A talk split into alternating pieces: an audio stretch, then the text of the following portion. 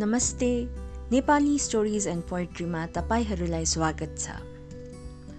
आजको कविता हालैको मौसमको लागि एकदमै उचित छ। आज दिन असल छ। आज दिन असल छ। घाम आज तातो छ। बादल छैन आकाशमा। घुम्न जाउँ जङ्गलमा। शीतल शान्त जङ्गलमा। सुन गावा सुन्दर छ। डाँफे मुनाल नास्तो छ। मृग शावक चञ्चल छ।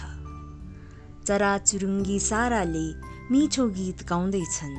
सानो खोला सुलुलु बग्दै जान्छ खुलुलु। घाम जस्तै तातो बनौँ सबैको उपकार गर्ने। जङ्गल जस्तै शीतल बनौँ सबैको ताप हर्ने।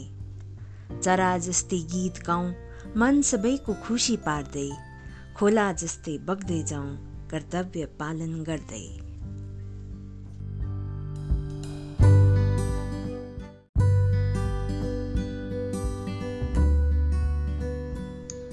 हवाको महल। एकजना गुरु आफ्ना चेलाहरूलाई रमाइलोसँग पढाउँथे। चेलाहरू पनि उनले पढाएको रुचाउँथे। अरू बेला कक्षामा नबस्ने छात्र छात्र पनि उनको कक्षा चाहिँ छोड्दैनथे। त्यसको पनि एउटा कारण थियो। त्यो के भने ती गुरु आफूले पढाउने विषयसँग मिल्ने रमाइला कथाहरू भन्थे। उनी विद्यार्थीहरूको ध्यान आफूतिर खिचिहाल्थे। एक दिन गुरुले हावाको महल शीर्षकको एउटा कथा भने। पहिले त उनले चेलाहरूलाई सोधे हावाको महल भनेको के हो? थाहा छ? कुनै चेलाले पनि गुरुको उत्तर दिन सकेनन्। अनि गुरुले नै भन्न थाले हावाको महल भनेको नचाहिने कुराको कल्पना गर्नु हो। हुनै नसक्ने कुराको कल्पना गरेर त्यसको आश गर्नु हो।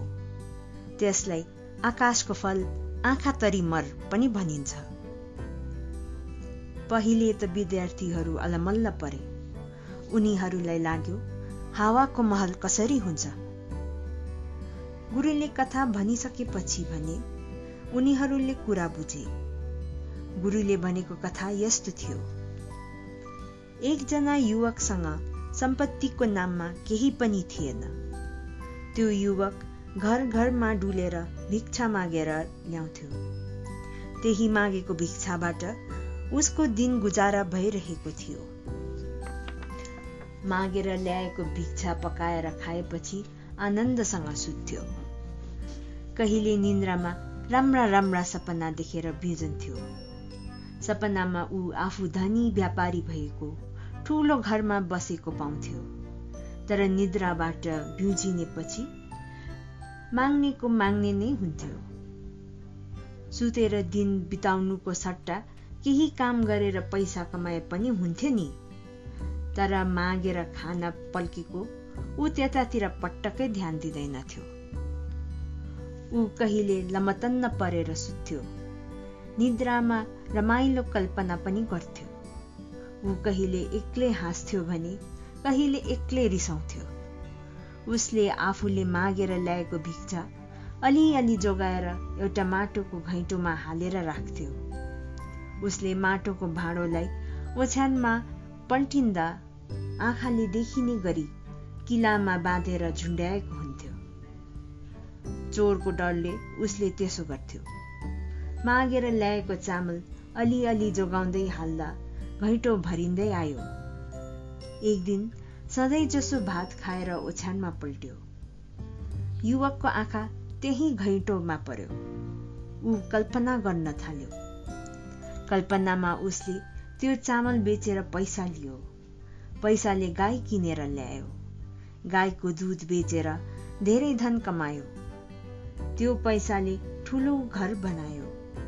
त्यसपछि एउटी राम्री केटीसँग बिहे गर्यो। र छोरा पनि जन्मायो। छोरा बामे सर्दै गाईको गोठमा पुग्यो। गाईले छोरालाई लात हान्न लागेको थियो। युवकलाई स्वास्नीले छोरा नहेरेकोमा रिस उठ्यो। युवकले कल्पनामै स्वास्नीलाई लट्ठीले कुट्यो। त्यो लट्ठीले स्वास्नीलाई नलागिकन उसले झुन्ड्याएको चामल राखेको माटोको घैँटोमा लाग्यो। घैँटो फुटेर चामल कोठाभरि छरियो। युवकले हावाको महल भत्किएको टोलाएर हेरिरह्यो। हामीले नचाहिने कल्पना गर्न हुन्न। कल्पना गर्नुको सट्टा आफ्नो काममा ध्यान दिनुपर्छ। बुझ्यौ त? गुरुले कथा टुङ्ग्याउनु भयो विद्यार्थीहरूले रमाइलो माने।